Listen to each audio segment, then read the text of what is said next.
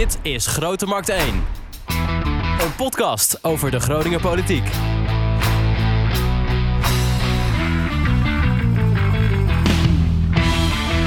Leuk dat je luistert naar aflevering 19 van Grote Markt 1. Ik ben Wouter Rolsappel en uh, tegenover mij zit Echo van Oosterhout. Dag Echo. Goedemorgen Wouter. Hoe is het met je? Het is met mij wel goed. Ik ben nog herstellend van het val van mijn fietsje gisteravond. Iemand fietste mij omver, maar verder gaat het wel goed hoor. Toch niet op je knie gevallen? Op mijn knie, natuurlijk Oh, oh, op mijn knie. Oh, oh, oh. Nou, als je luistert, niet meer doen. Nee, ja, Precies. leer fietsen. Echo, we gaan het vandaag hebben over, eh, nou wat voor mij in ieder geval wel een ingewikkeld onderwerp is. Wij waren vorige week waren we bij een persconferentie. Waar ging die persconferentie eigenlijk over? Nou, dat is moeilijk na te gaan. Eh, In één zin, in één zin. eh, laten we zeggen over eh, eh, mijnbouwschade in Groningen. Ja. En voor het item wat we daarvoor eh filmen, hebben wij twee mensen geïnterviewd. Namelijk eh, Suzanne Top van het Groningen Gasberaad, welkom. Dank je. En Koert Vossen van de Groningen Bodembeweging, welkom. Dankjewel.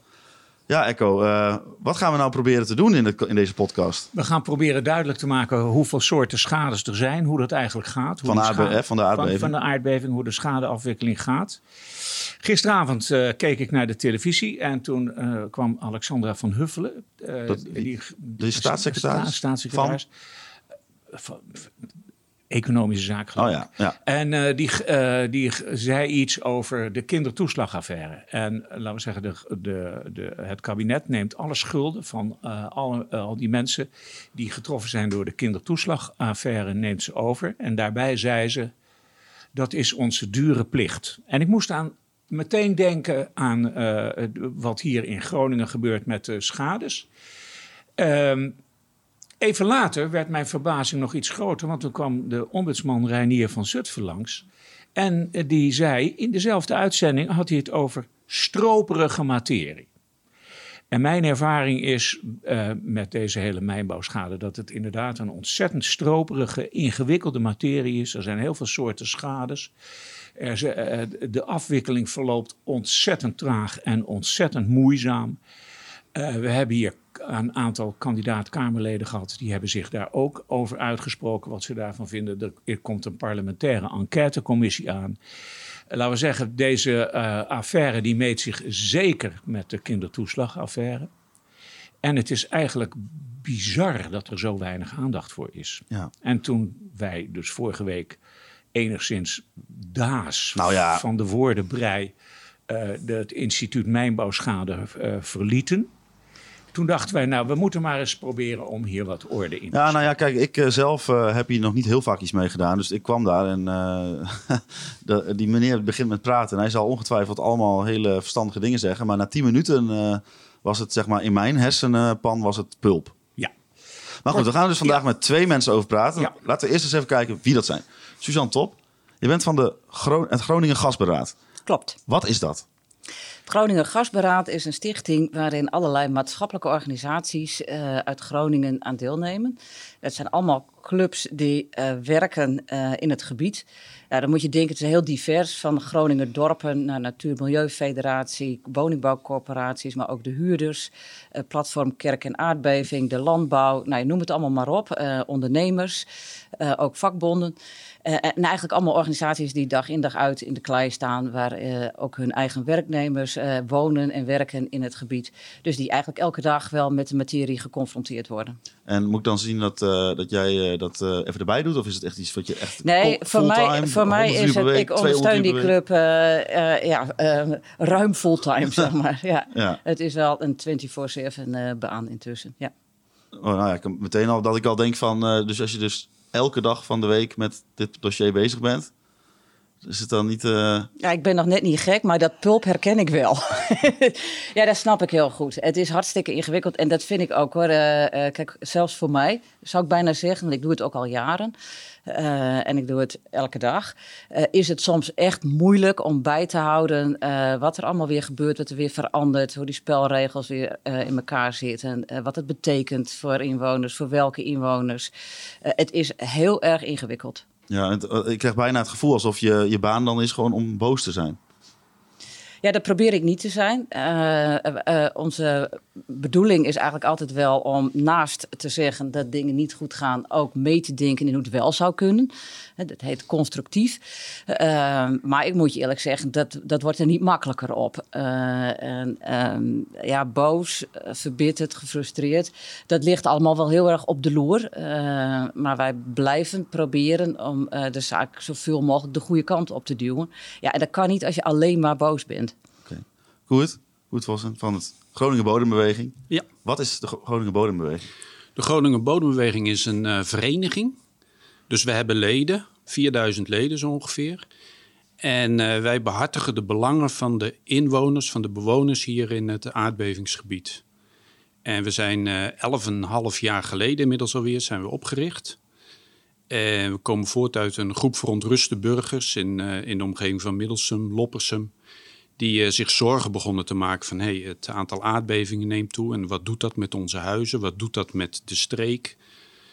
Uh, en ja, onze belangrijkste taak is dus het behartigen van de belangen van de bewoners, de inwoners van, uh, van het gebied hier. Heb, je, heb, jij hetzelfde als wat Suzanne heeft, dat je, laten we zeggen, je bent daar heel veel mee bezig. Het is echt heel veel. Tijd stoppen jullie erin. Verzuur je uh, nee, verzuren is niet het goede woord. Ik uh, doe het naast een baan, dus uh, het is niet mijn werk. Ik doe het in, in mijn vrije tijd. die pulp in mijn hoofd, die, die ken ik. die heb ik ook. Vooral omdat er telkens zoveel verandert. ik heb wel eens gezegd, ook in, op andere gelegenheden, van verzuren doe je niet.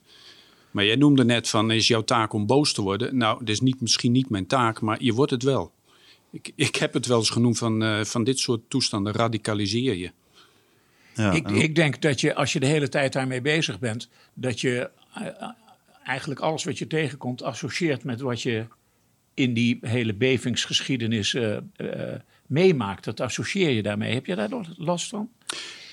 Nou, last niet, maar wel de toeslagenaffaire. Je noemde het net. Van, ik denk dat heel veel mensen hier in Groningen hebben gedacht van... hé, hey, dit herken ik.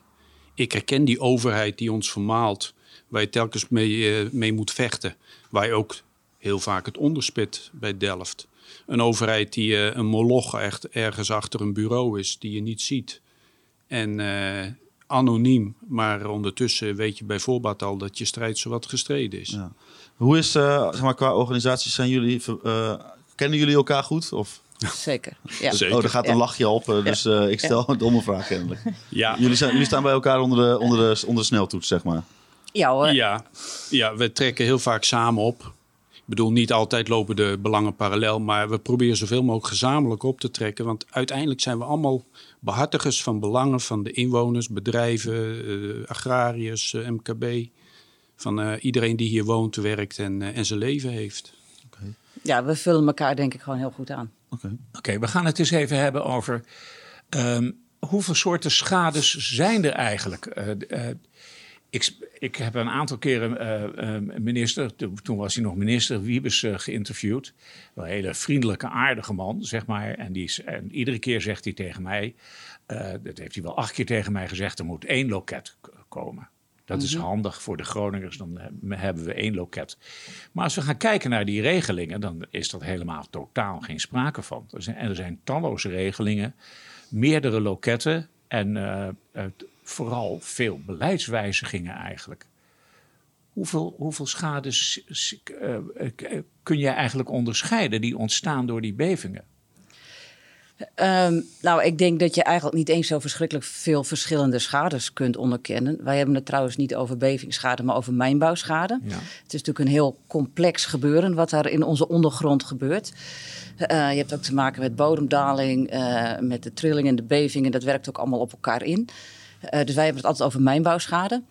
Uh, ja, en huizen beschadigen daardoor. Er komen gewoon schuren in, zakken weg. Uh, nou ja, we kennen het allemaal wel.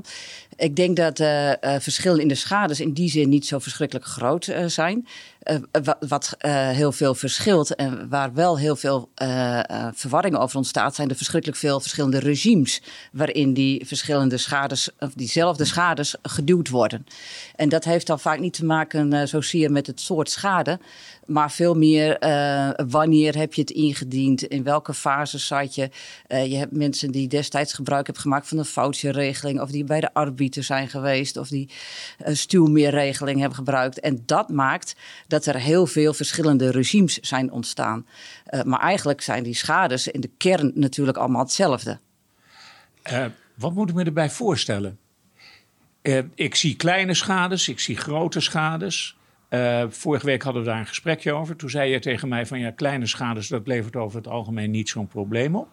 Het gaat over die grote schades. Ja. Kun je dat illustreren? Nou ja, de ervaring is eigenlijk al jaren, uh, ook bij het CVW al, uh, dat de kleine schades over het algemeen relatief snel even, werden even, afgehandeld. Even CVW, hè? Ik was er, ik, zat, ik denk gaat iets. Centrum Ik- ik- Veilig ja, ik Wonen. eh, Ja, ja, af- nou ja, Dat eh, Centrum voor Veilig Wonen Heel is de voorganger van het Tijdelijk Instituut Heel goed. Mijnbouwschade. Heel goed. En Af, dat is afkortingen weer- moeten we altijd even. En eh, dat is weer de voorganger van het Instituut Mijnbouwschade Groningen. Als ik, zeg ik dat zo goed? Ja, volgens mij zeg je dat zo goed. Eh, met een belangrijk verschil dat het CVW in feite een uitvoeringsorganisatie van de NAM was. Eh, TCMG en IMG zijn overheidsorganisaties. Ehm, maar goed, de, de schadeafhandeling eh, heeft ook jaren bij het Centrum Veilig Wonen gelegen, opgezet door de NAM. Um, maar ook daar zagen we al wel dat als jij kleine scheuren in het kerngebied hebt, dan is er uh, nooit zo'n heel groot probleem geweest om dat vergoed te krijgen. Het wordt pas ingewikkelder wanneer die schades wat groter zijn. Grotere scheuren, uh, maar ook bijvoorbeeld verzakkingen, funderingsschade. Nou, dingen die ook wel in de papieren gaan lopen. Uh, nou ja, dan kwamen de rapporten met alle excuses die we allemaal kennen om, om maar te zeggen dat het geen mijnbouwschade was. Uh, en dat zien we eigenlijk, dat patroon zien we tot op de dag van vandaag eigenlijk nog steeds terug. Ja. Uh, vorige week hadden we uh, de, de, de, de, de, die, die persconferentie. Koerts. En toen zei die meneer van het instituut Mijnbouwschade Groningen... van er komt die stuwmeerregeling gaan we weer opnieuw invoeren. Ja. Kun je uitleggen wat hij weer wil invoeren en wat de consequenties daarvan zijn? Wat hij weer wil invoeren en wat eerder ook voor een korte tijd gold, is dat mensen schade kunnen melden. En dat ze dan een bedrag van 5000 euro in dit geval kunnen krijgen, zonder dat er een inspecteur langskomt om alles te beoordelen. Dus uh, plat gezegd, van je wordt op je blauwe ogen geloofd van hier heb je 5000 euro, ga het uh, repareren. Tot zover maar, goed. Tot zover gaat het goed, maar daarna komt de adder, de hele dikke adder onder het gras, zoals ik hem ook vorige week noemde. Daarna moet je ook niet meer langskomen van, oh ik heb nog een scheur ontdekt en uh, oeps, het is meer dan 5000 euro. En daar zit het grote risico in. Dus als je bijvoorbeeld, uh, dus als je denkt van, nou ik heb maar een klein scheurtje, dus verder niks aan de hand hier. Maar je, komt, uh, je krijgt geld op je rekening gestort en je trekt een deur open en je ziet in één keer nog een scheur, dan heb je pech. Dan heb je pech. Want als je dan alsnog het IMG langs wilt hebben, dan zeggen ze van ja, maar meneer, mevrouw, in de tussentijd is er helemaal geen beving geweest. Dus uh, u heeft hier al een vergoeding voor gehad. Wat is dat nou voor instituut, uh, dat instituut Mijnbouwschade Groningen? Is dat een instituut om de Groninger een loer te draaien? Uh, het is een overheidsinstituut die namens de NAM de aansprakelijkheid voor schade afwikkelt. Dus de NAM en de overheid hebben een afspraak gemaakt van wij gaan de schade oplossen. En daarmee ben jij daar ook verder niet meer aansprakelijk voor. Is, het, is dat IMG, is dat uh, te vertrouwen, Suzanne? Ja, dat vind ik een ingewikkelde vraag. um, Zie je ook al iemand anders lachen? Dus dat is... Ja, nou ja, weet je, dat, dat is natuurlijk lastig. Uh, kijk, uh, het, het, is wel zo dat op het moment dat het TCMG toen nog, hè, dus de voorloper, maar in feite is dezelfde organisatie. Het was toen nog een tijdelijk instituut, nu is het een definitief instituut. Heeft te maken met dat een wet is vastgesteld. Ehm, ja, toen hebben we wel gezien dat zij, uh, uh, zeker het eerste jaar, anderhalf jaar, echt wel anders opereerden dan in het verleden. Dus uh, wat je toen zag was dat het gebied groter was. Hè? Dus een NAM hanteerde vrij strakke contouren. En iedereen die schade meldde buiten die contour, die kreeg gewoon een briefje: U bent niet ontvankelijk, vriendelijke groet. Um, daar is het TCMG en het IMG anders mee omgegaan. Uh, dus je ziet dat uh, het gebied waarin nu schade uh, geclaimd kan worden wel wat groter is. En ook zij zijn redelijk voortvarend van start gegaan en hebben ook heel veel schades al afgewikkeld. Um, maar dat heeft natuurlijk ook wel tot consequentie dat een heleboel mensen die daarvoor geen schade konden melden, dat nu ook doen. en zij lopen nu gewoon aan tegen enorme aantallen. En dat is denk ik een van de problemen, dat zij zelf in hun organisatie wat aan het vastlopen zijn. Als je voorstelt dat we duizend meldingen per week krijgen en dat al een jaar lang, ruim een jaar lang, uh, ja, dan daar valt natuurlijk bijna niet tegenaan te werken. Uh, de vraag is hoe je daarmee omgaat. Uh, wat zij doen is gewoon kijken naar wat is een manier waarop wij die workload beheersbaar kunnen maken. Um, nou ja, ik kan me voorstellen dat dat een vraag is. Uh, maar eerlijk gezegd vind ik daar nog wel een vraag voorafgaand liggen. Als jij duizend meldingen per week hebt, uh, uh, ruim een jaar lang, zonder dat er nou echt hele grote bevingen zijn geweest recent, ehm, dan moet je je ook afvragen, wat is hier eigenlijk aan de hand? Uh, wat gebeurt er met dit gebied? Wat gebeurt er met de huizen in dit gebied? Is dit normaal? Wat, wat is hier überhaupt uh, gaande? Uh, en ik mis heel erg dat nou ja, zeg maar inhoudelijk gekeken wordt naar wat betekent dit eigenlijk? Het wordt vrij snel naar een nou ja, beheersbaarheidsprobleem gebracht. Ja. Hij is, die meneer van de, de instituut Mijbouwschade, die zei... Ja, als wij al die uh, uh, zaken moeten gaan onderzoeken... ieder onderzoek kost ons ook 5000 euro. Dus laten we... en dan, en dan kost het 5000 euro. En dan moeten we de schade nog gaan vergoeden. Laten we nu gewoon maar per saldo zeggen... we gaan die schade met, meteen vergoeden, of die 5000 euro. En dan doen we verder geen onderzoek meer. dat is dus een kwestie van goedkoper. Ja, het is in die zin zou je zeggen een budgetair neutrale operatie. Vandaar dat ik ook wel wat verbaasd was dat dan wel in stukken staat... er is een miljard mee gemoeid. Nou, volgens mij is dit inderdaad... Uh, je bespaart dezelfde kosten als die je nu uitgeeft. Ja. Um, Wat? Je bespaart dezelfde kosten als die je nu uitgeeft? Ja, je geeft 5000 uit, maar je bespaart ook 5000. Oh ja. Uh, dus in die zin uh, is het budget neutraal. Je komt op nul uit. Zou je even rekenen, hè? Dus, ja, ja. ja, even scherp blijven. Ja, ja. Ja, en er was nog een, een andere discussie. Uh, dat gaat over het bewijsvermoeden. Koert, vertel eens even. De bewijs Ik vind het wel een mooi woord. Be het is een heel mooi woord, maar... Uh, is het ook een mooie, heeft het ook een mooie praktische uitwerking? Nou, nu, nu wordt het haast feeriek. Het bewijsvermoeden. Wat is, Koert, wat is het bewijsvermoeden? Nou, het bewijsvermoeden is niks feerieks aan hoor. Het is een uh, puur juridische term.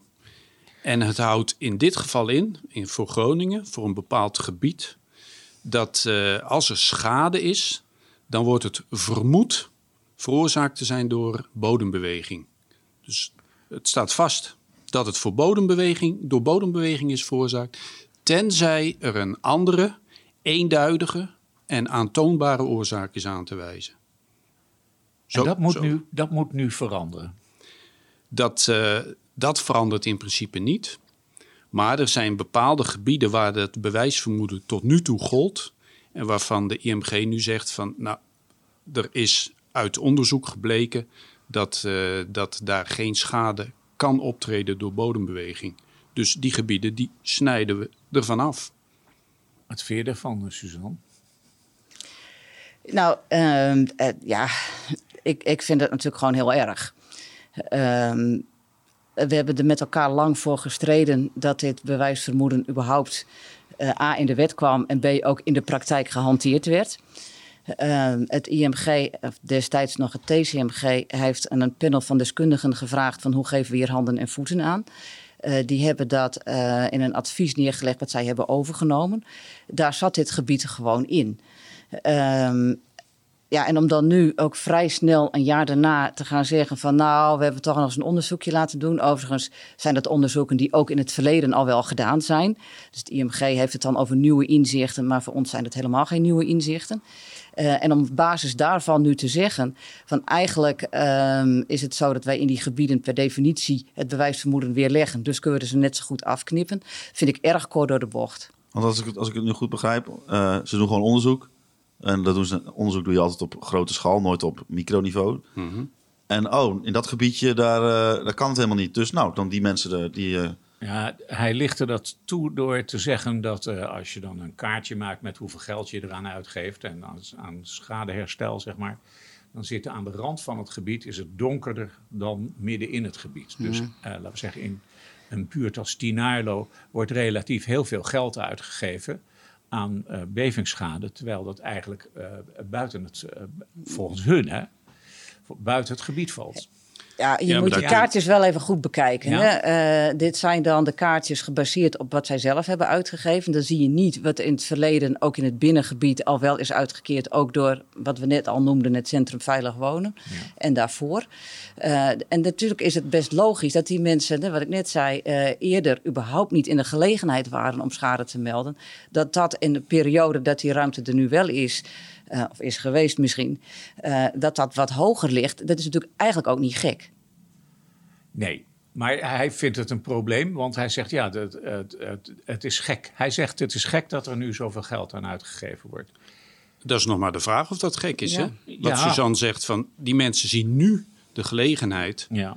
ook in de omgeving natuurlijk, om, om, om zich heen. Van hé, uh, hey, we kunnen nu eindelijk toch schade melden. En er wordt nu serieus naar gekeken. Ja. Er is ook ja. wel onderzoek naar gedaan, hè? dat vertrouwen in, de, in die buitengebieden, ja. dat dat is uh, toegenomen de afgelopen jaren. Vroeger maakte hij geen kans. Dus het is, ja, want vroeger dachten ze van sowieso al van, dat kan hier sowieso niet door uh, bodembeweging. Ja, ze werd, kwamen niet werd eens categorisch kijken, werd het afgewezen ja. door de NAM.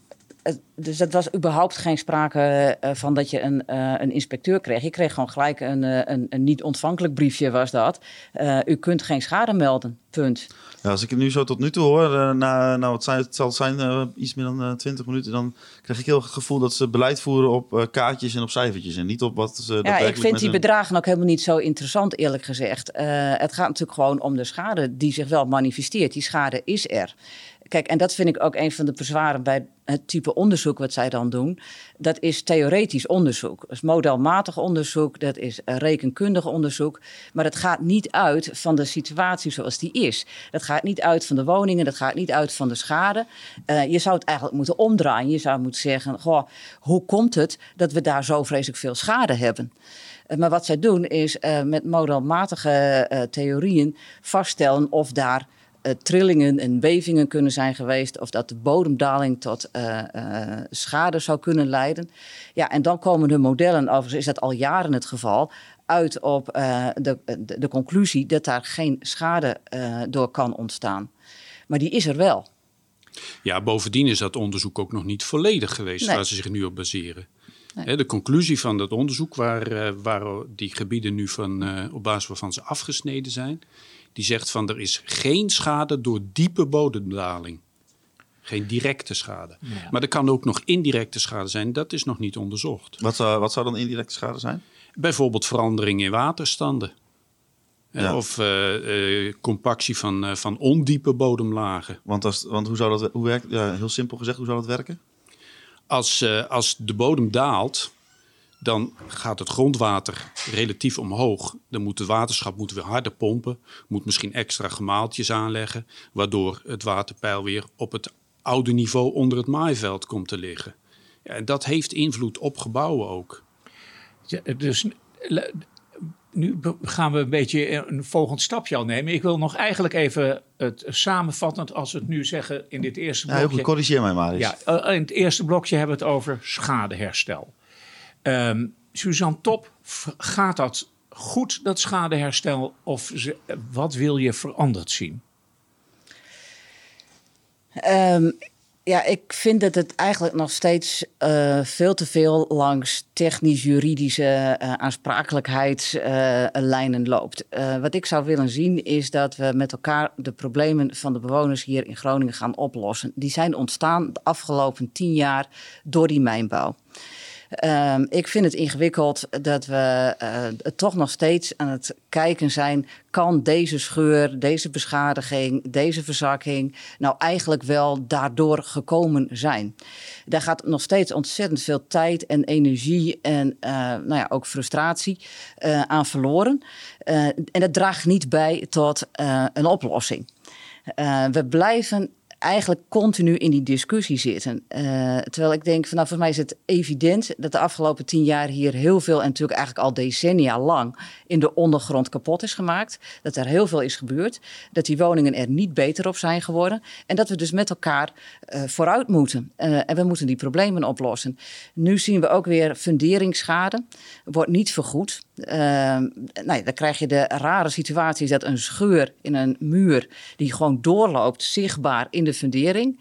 Dat we rapporten krijgen waarbij er gezegd wordt: uh, de muur boven de grond of de scheur boven de grond in de muur, uh, dat erkennen wij als mijnbouwschade. Maar zodra die doorloopt, nee, dat is geen mijnbouwschade meer. Zelfde scheur. Ja, dat soort toestanden. Ik had echt gehoopt dat we daar intussen vanaf zouden zijn. Koert, hoe gaat de politiek hiermee om? Hoe, hoe, hoe zien jullie dat? Nou, ik wou haast zeggen krampachtig. He, oh, dat vind ik heel netjes geformuleerd. vind ik bijna lief. Nee, de, de, de politiek negeert dat toch grotendeels. Eigenlijk hebben wij het gevoel van uh, de politiek laat zijn oren, of in ieder geval het bestuur, laat ik het zo zeggen, laat zijn oren toch nog te veel hangen naar uh, de NAM, de aansprakelijkheid van de NAM voor de schade, uh, juridische haarkloverij, om het dan maar heel oneerbiedig te zeggen. Ja, er wordt heel strikt gekeken van langs juridische lijnen van wat kunnen we nog wel of niet uitsluiten als aansprakelijkheidsgevolg van de mijnbouw. Is het, uh, uh, ik, heb een, ik heb een vriendje die is opgegroeid in de Randstad. En die ging weer eens terug naar een schoolreunie. En toen kwam die iemand tegen die daar heel hoog zat in het ministerie van Economische Zaken. En toen kwamen ze vanzelf in gesprek over de aardbevingen in Groningen. En deze meneer die vond Groningers eigenlijk gewoon aanstellers. Uh, ze stelden zich aan. Wat vind je daarvan? Naam? Heb je naam? Uh, nee, geen naam. Oh. Nou, naming en shaming. Ja. Dat lukt niet. Nee, dat lukt niet. Nee, nee, nou, aanstellen. Ja, sorry. Als het inderdaad om wat kleine scheurtjes in een woning ging, dan zou je misschien nog zo iemand gelijk kunnen geven. Maar het gaat om veel meer. Het gaat ook om funderingsschade. En het gaat niet alleen om schade aan gebouwen. Hè? Het gaat ook om de onzekerheid waarin je leeft, de, de onduidelijkheid over je financiële toekomst, bijvoorbeeld bij ondernemers. mensen die een huis kapot of een, uh, een bedrijfsgebouw kapot zien gaan waar hun pensioen in zit. Mensen die vanwege een baan of familieomstandigheden moeten verhuizen en hun huis moeilijk kwijt kunnen. Het gaat gelukkig weer wat beter, maar slechts tegen, tegen hele lage prijzen. Het is een opeenstapeling van, van schades. We, we zijn tot nu toe focussen op één soort schade, maar er zijn er veel meer. Je hebt vermogensschade, je hebt emotionele schade. Dus eigenlijk zou je zeggen van uh, een schade aan een huis, is één ding.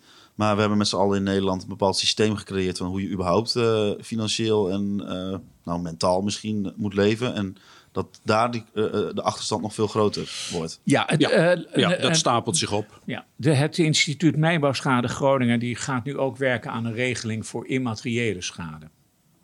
Ja. Heb je daar vertrouwen in, Suzanne? Um, nou ja, ik denk dat dat sowieso ontzettend moeilijk uh, is. Uh, sowieso om vast te stellen, uh, nou ja, wat is dat dan en welk bedrag moet je daar tegenover zetten? Dat is natuurlijk per definitie eh, met immateriële schade, emotionele schade, dat is bijna niet in bedragen uit te drukken. nou ja, dan zien we dat we daar in Nederland ook een hele slechte traditie in hebben, om het maar zo te noemen. De, de bedragen zijn over het algemeen ja, gewoon echt laag. Uh, dat hebben ze ook al aangekondigd. Hè? Dus het gaat om maximaal 5000 per persoon. Um, ja, en wat ik ingewikkeld vind, het gaat hier echt om persoonlijk leed. Uh, tegelijkertijd gaat het om hele grote groepen. Dus wordt er natuurlijk toch gewerkt aan uh, een soort gestandaardiseerde regeling. uh, database gerelateerd. Hè. Dus dat, dan, dan, probeer je eigenlijk alleen al vast te stellen op basis van waar iemand woont, hoeveel schade die heeft gehad en hoe lang dat heeft geduurd. Hoeveel recht hij op immateriële schade heeft. Maar dat is natuurlijk, nou ja, dat zijn gegevens, maar dat heeft niks te maken met hoe je het hebt ervaren, wat je hebt doorgemaakt, hoe het. Ja, wat dat weer allemaal voor En wat, en wat het met je gedaan heeft, met je gezin gedaan heeft, met je kinderen gedaan heeft.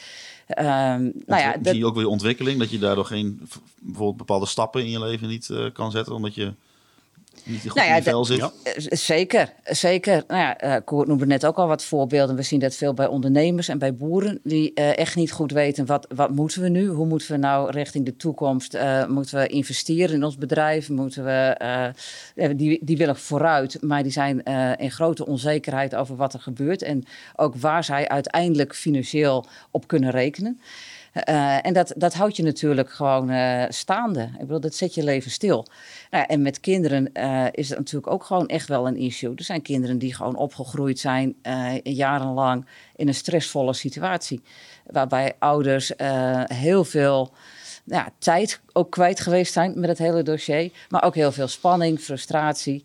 Nou, dat neem je gewoon wel mee de rest van je leven. Dus het heeft een enorme impact. Uh, en als zo iemand in Den Haag dat dan zegt, dan denk ik, dan heeft zich absoluut niet verdiept in wat er hier nou werkelijk aan de hand is, uh, welke impact dat heeft. En dan hebben we het ook alleen nog over de schadeafhandeling, maar we hebben natuurlijk ook nog de versterking. Nou ja, dat is misschien dan ook wel, uh, Echo, die zegt het al, die persoon die werkt natuurlijk bij economische zaken. Ja. Dus diegene beschouwt het dan waarschijnlijk ook vanuit een, hè, een eendimensionaal uh, oogpunt, namelijk uh, scheurtje 5000 euro. Ja, maar sowieso is uh, het beeld in de rest van het land toch anders dan hoe we het hier in Groningen beleven.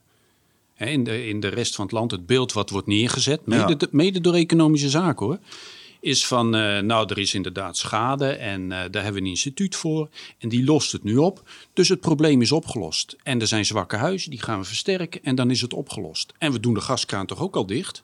Nou ja, dus, ja, we hebben dus, zeg maar in de, in de stad hebben we natuurlijk uh, iets minder ermee te maken dan in de, de, gebieden daarbuiten. Dus als ik zeg maar iemand van buiten de provincie Groningen spreek, dan is dat van, oh ja, jij komt uit Groningen, ja, met die aardbevingen. En dan denk ik altijd van, oh ja, ik ben nu de Groninger die daar ja. uh, iets over moet vinden en over moet zeggen. Terwijl ik persoonlijk er natuurlijk niet heel veel mee te maken heb. Dus zeg maar, binnen Groningen is er dan een verschil. En dan moet je nagaan hoe groot het verschil naar de rest van het land is. Maar als je ja. hier op de redactie kijkt, dan zijn er toch een aantal mensen die gewoon te maken hebben met bevingsschade. Ja.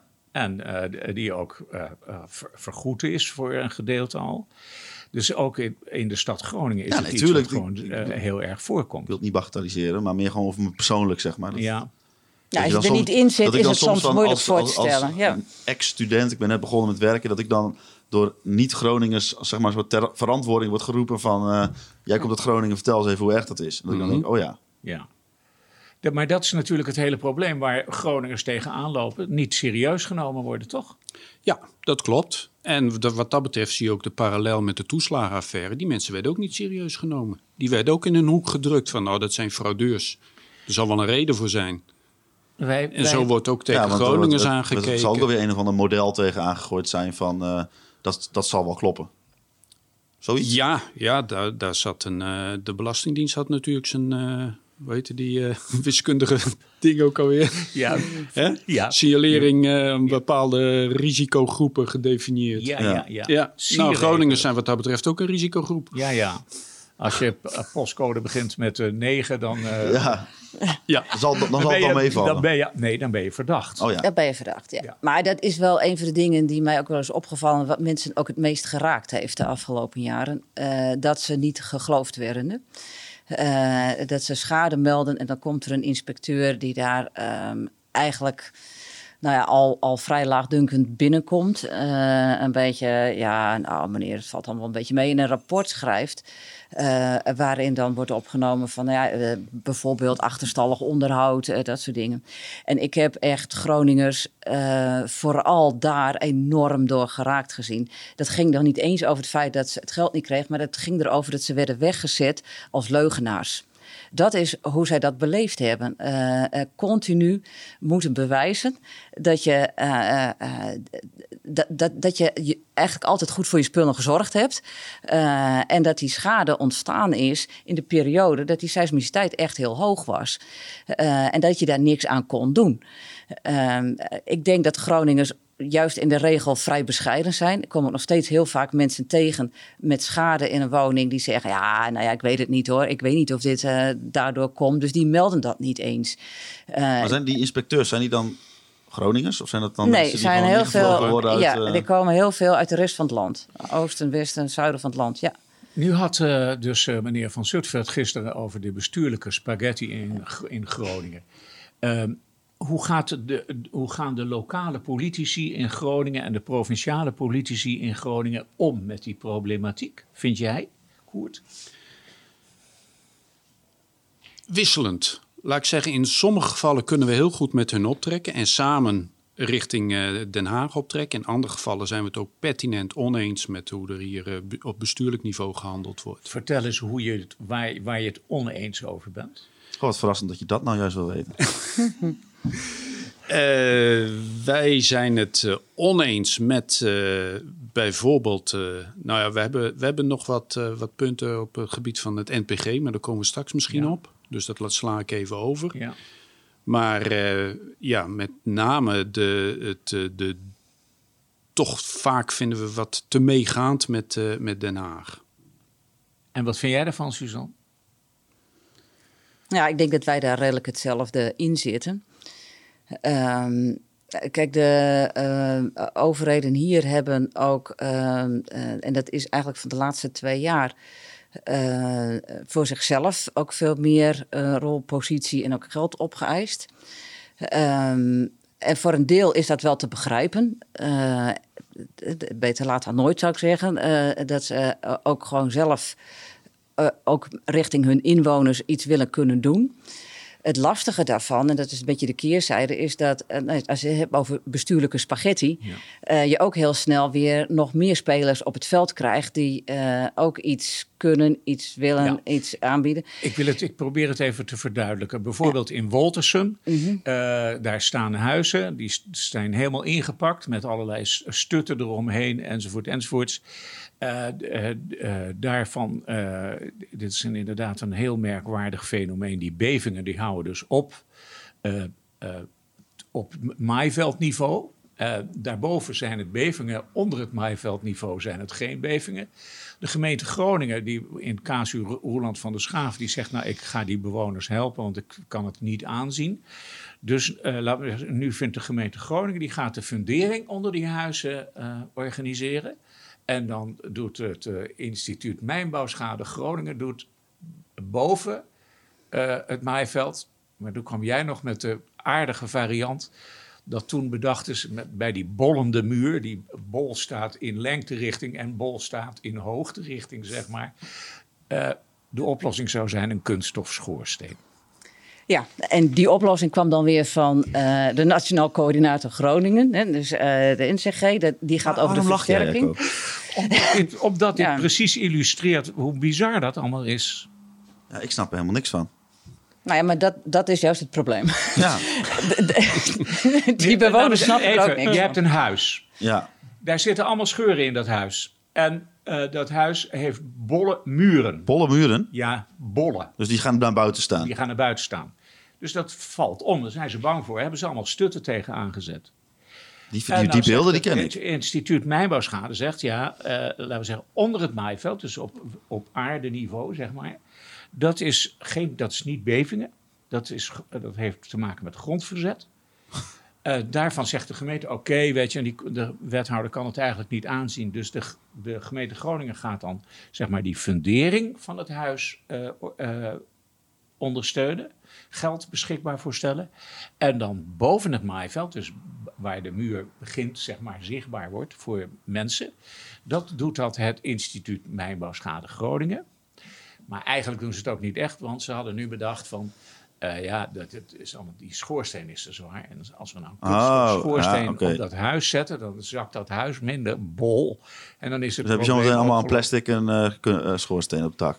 dit is, ja, dat zie je in al die nieuwbouw. Ja, die zijn al heel veel geplaatst, eh, ook op eh, oudere woningen trouwens. Ja. Dus het wordt ook wel een beetje een, een, een Efteling-situatie. Ja, nou ja, maar, goed, maar, maar kijk, wat je daar bij de gemeente Groningen ziet, Echo, eh, klopt. Hè? Daar zijn woningen in de stut en die zijn acuut onveilig verklaard Ja. geweest. Dus die zijn eh, gestut. Eh, nou, ze zijn ook scheef, er zit een hoop schade aan. Eh, die mensen hebben te maken met het IMG voor hun schade. Nou, eh, inderdaad, wat je zegt, eh, die zeggen wel... ja, daarboven die scheuren en die muren, die kunnen we vergoeden. Maar die fundering, ja, dat, dat is niet van ons, want dat is geen mijnbouwschade. Eh, maar ze geven ook wel aan van ja. We zien ook wel dat het niet zo gek veel zin heeft om die scheuren daarboven te herstellen als je daaronder niks doet. Ik bedoel, eh, dat zeggen ze zelf ook wel. Van eigenlijk is dat een zinloze operatie. Maar ja, wij kunnen niet anders, want juridisch, want aansprakelijk, want, nou ja, je kent. Ehm, eh, dan heb je ook nog te maken met die versterkingsoperatie. Eh, en daar was inderdaad de situatie dat ze zeiden: we stappen over de stutten heen, we gaan in de keuken zitten en we gaan zeggen: uw woning wordt weer veilig met een lichtgewicht schoorsteen. Ja, dan heb je natuurlijk geen verhaal. En wat je ziet is dat organisaties dan naar elkaar gaan kijken: van ja, nee, maar dat het allemaal scheef Ja, dan moet u bij het IMG zijn. Maar het IMG zegt: nee, we gaan de fundering niet doen. En daar is eh, waar de gemeente Groningen op een gegeven moment van gezegd heeft: ja, maar dit schiet niet op. Zo komen we er nooit uit. Dus wij gaan dat stukje funderingen. En overigens gaat de gemeente Groningen dat dan doen vanuit de middelen vanuit het bestuursakkoord van vorig jaar. Eh, wij gaan dat, dat proberen op te lossen. Maar goed, weet je, en op zichzelf denk ik dat het hartstikke goed dat de gemeente Groningen ingrijpt en zegt: hier moet gewoon een oplossing voor komen. En als dat met die fundering te maken heeft, dan moeten we dat gaan doen. Wat je wel ziet, is dat er dus nu een derde speler op het veld is. En dat die bewoners nu niet alleen meer met IMG en NCG, wat al heel erg ingewikkeld was, te maken hebben. Maar ook nog nu een keer met de gemeente te maken hebben. Uh, en we zijn dus verder weg dan ooit bij dat ene loket. Waar uh, we eigenlijk met elkaar al jaren voor strijden. Dat is wat je zou willen. Nou, Om er, zit beeld in, is, nog- er zit in de grond zit er wat fout. Hè? Ja. Dat je de schade, versterking eh, eh, boven, ondergrond allemaal in blokjes ophakt. En zegt van, jij doet dat portie, jij doet dat portie, jij doet dat portie. Voor een bewoner is dat onbegrijpelijk. Want Ja. het is zijn huis, zijn huis heeft schade, moet versterkt worden. Boven of onder de grond, maakt niet uit. Hij heeft een probleem. En dat probleem moet opgelost worden. En dan gaat het niet om deeltjes oplossen. Of naar, naar, naar verschillende instanties gaan. Het is in, ook in deze, dit gesprek is het heel erg zeg maar, zoeken naar van... oh, daar komt wat bij en daar komt wat bij. Maar eigenlijk zou de ideale situatie is toch dat iedereen... alles wat hier gezegd wordt in één keer helemaal logisch begrijpt... en denkt, oh ja, logisch. Maar die situatie Ja, maar is het is de vraag welke logica je dan hanteert. Eh, wat je ziet, eh, eh, Ko- Koert zegt terecht, het is, het is volstrekt versnipperd geraakt. Dat is vanuit een bestuurlijke logica gebeurd, vanuit een juridische logica, vanuit geld vaak ook. Een potje hiervoor, een potje daarvoor. Eh, en dan is het logisch om het op die manier op te knippen. Maar voor de bewoner is het helemaal niet logisch. Het is eh, één woning, één probleem, die die gewoon opgelost wil hebben. Eh, dus je ziet dat de logica, en dan heeft de politiek altijd de mond vol van de bewoner centraal. Nou, wij kunnen het bijna niet meer horen. Eh, het staat eh, hè, op de covers van alle mooie beleidsstukken, de bewoner centraal. Maar eh, Ja, zou ik er ook op zetten. ja, je kan ik- het er keurig opzetten, maar de praktijk eentje. is tegenovergesteld. Wat dacht je van ruimhartig? Nou ja, uitgangspunt. eh, ook zo'n holle fraas geworden. Eh, dat roepen we allemaal en dan denken we, nou, dan zijn we op papier klaar. Maar in de praktijk heeft het geen enkele betekenis. De bewoner centraal heeft geen betekenis. Hoe komt dit nou? Het lijkt wel reclame. Je, maakt, eh, je, eh, je, je zegt iets en je plakt er een woord op en dat moet het dan zijn. Maar dat is het dus niet. Nee. Om het geheel nog eh, ingewikkelder te maken Nou, dan dat het dat? nu al is. Ja, Ah, Oké. dat moet. hebben we natuurlijk nog andere soorten schade. En dat is het Nationaal Plan Groningen. Want ze hadden bedacht om, ja, de- omdat we moeten natuurlijk Nationaal Groningen programma, aantrekkelijk, een nationaal programma Groningen. Dus om het allemaal aantrekkelijk te, te houden, dat Groningen aantrekkelijk blijft, gaan we investeren in de infrastructuur, in de do- dorpen enzovoort, enzovoorts. En dan krijgen we het Nationaal Plan Groningen. Is dat nou iets, eh Koert, wat, wat zoden aan de dijk zet? Nou, ik wou even, even een stapje terug. Wij hebben ook vanuit de Groningen Bodembeweging al jaren geleden gepleit voor een soort programma om de hele streek weer eh, Ja. een boost te geven. Ja. Want uh, al die problemen, al die uh, discussies daarover, dat doet wat met de beeldvorming. En de beeldvorming doet uiteindelijk wat met de werkgelegenheid, de aantrekkelijkheid van het gebied voor jongeren, de verkoopbaarheid van huizen. We hebben gezegd, daar moet radicaal wat aan gebeuren. Er moet een programma opgezet worden om de, deze, dit gebied weer in de vaart der volkeren mee te nemen. Ja. Daar is uiteindelijk het uh, nationaal programma voor gekomen. Daar is ook een miljard euro voor gekomen, dus dat is een heleboel geld. Maar gaat het zo dan de dijk zetten? Ja, daar hebben wij dus onze sterke twijfels over. Want? Uiteindelijk gaat het om het gebied aantrekkelijk maken voor de mensen. En wij vinden ook dat de mensen daarin een groot woord moeten hebben. Medezeggenschap van wat er dan gebeurt. Wat is nou belangrijk voor dit gebied? Dat weten de mensen die er wonen weten het beste. Maar wat je ziet is dat met name de bestuurders en de grote belangengroeperingen, die weten de weg wel te vinden om dat programma te, te beïnvloeden, om te kijken waar het geld naartoe gaat. Ja, maar Zo is het begonnen met een, eh, een, flinke pot uitdelen aan alle gemeentes, alle oh. aardbevinggemeentes. Dus toen was er al een hap uit geld en was er nog, uh, nog niks gevraagd aan de mensen zelf. Wat voor dingen moet ik aan denken dan? Nou, ze gaan een, een, een, een dorpshuis bouwen bijvoorbeeld. Wel, uh, oké. Voor, voor 6 miljoen. En dat, ik, ik dat lijkt me hartstikke leuk voor dat dorp natuurlijk. Maar de, de vraag is, uh, ja, welk dorp wel en welk dorp niet? Want niet elk dorp kan een dorpshuis krijgen van 6 miljoen natuurlijk. Denk ik. Ik denk niet dat ze zoveel geld hebben. Dat die 1 miljard is, 1,15 uh, miljard uh, is het om precies te zijn. Is ook over een periode van 10 jaar geloof ik. Ja, zoiets. Ja. Dus dat, laten we zeggen, dat klinkt wel heel imposant. Maar dat is uh, 100, miljoen, 100 miljoen per jaar ongeveer. 111 miljoen per jaar. Het klinkt als mij als een eh, pot geld. En als je een goed idee hebt, dan vraag je erom en dan krijg je wat. Ja. Oké. Okay. Zet dat zo aan de dijk? Ja, dat zullen we moeten zien. Uh, Klinkt niet heel uh, enthousiast. Uh, nou ja, uh, kijk, eerlijk gezegd, ehm, toen dat geld kwam, zag je dat dat meteen wel heel veel doet, vooral bestuurlijk. Um, en dat mensen daar natuurlijk enthousiast van worden, dat, snap ik ook. En zeker als je in de politiek zit en je bent bestuurder, uh, dan wil je natuurlijk heel graag met goede plannen en dan wil je met de toekomst bezig. En dan wil je, en dat, dat begrijp ik allemaal. Um, maar tegelijkertijd zag ik dat het wel uh, ontzettend veel tijd en energie uh, van bestuurders, maar ook van ambtenaren vergde. Um, waarvan ik dacht van nou ja, weet je, alle tijd en energie die daar nu ingestoken wordt. Um, en het gaat, weet je, het gaat van hoog over tot uh, het dorpshuis. Uh, nou ja, dat je die energie kan je maar één keer uh, ergens insteken. En het leidde voor mijn gevoel wel een tijd lang heel erg af van ook de problematiek waar we nog steeds in zitten.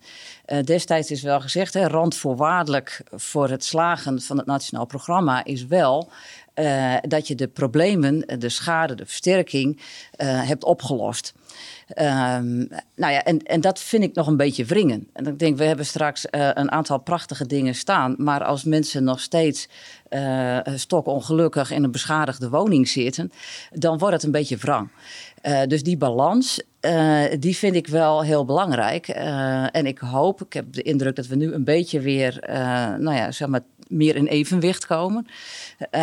ik denk dat, dat, dat je het niet los van elkaar kunt zien. Je kunt niet het een doen en het ander laten. En dan hebben we natuurlijk nog iets anders. Uh, er is de, uh, dit Nationaal Plan Groningen. Dat mocht dus alleen maar additioneel ingezet worden. Niet uh, voor schadeherstel of het voorkomen. Of laten we zeggen, mensen bij te staan die in conflict zijn met instituut mijnbouwschade of iets dergelijks. Dat moest dus, laten we zeggen, ten goede komen aan de leefkwaliteit in een buurt. Is dat overal gebeurd, Koert, volgens jou? Nee, niet overal. Er zijn delen, delen zijn uh, toch in uh, de versterking bijvoorbeeld gekomen. Het, uh, in het bestuursakkoord van afgelopen najaar is een deel van de financiering komt uit het nationaal programma.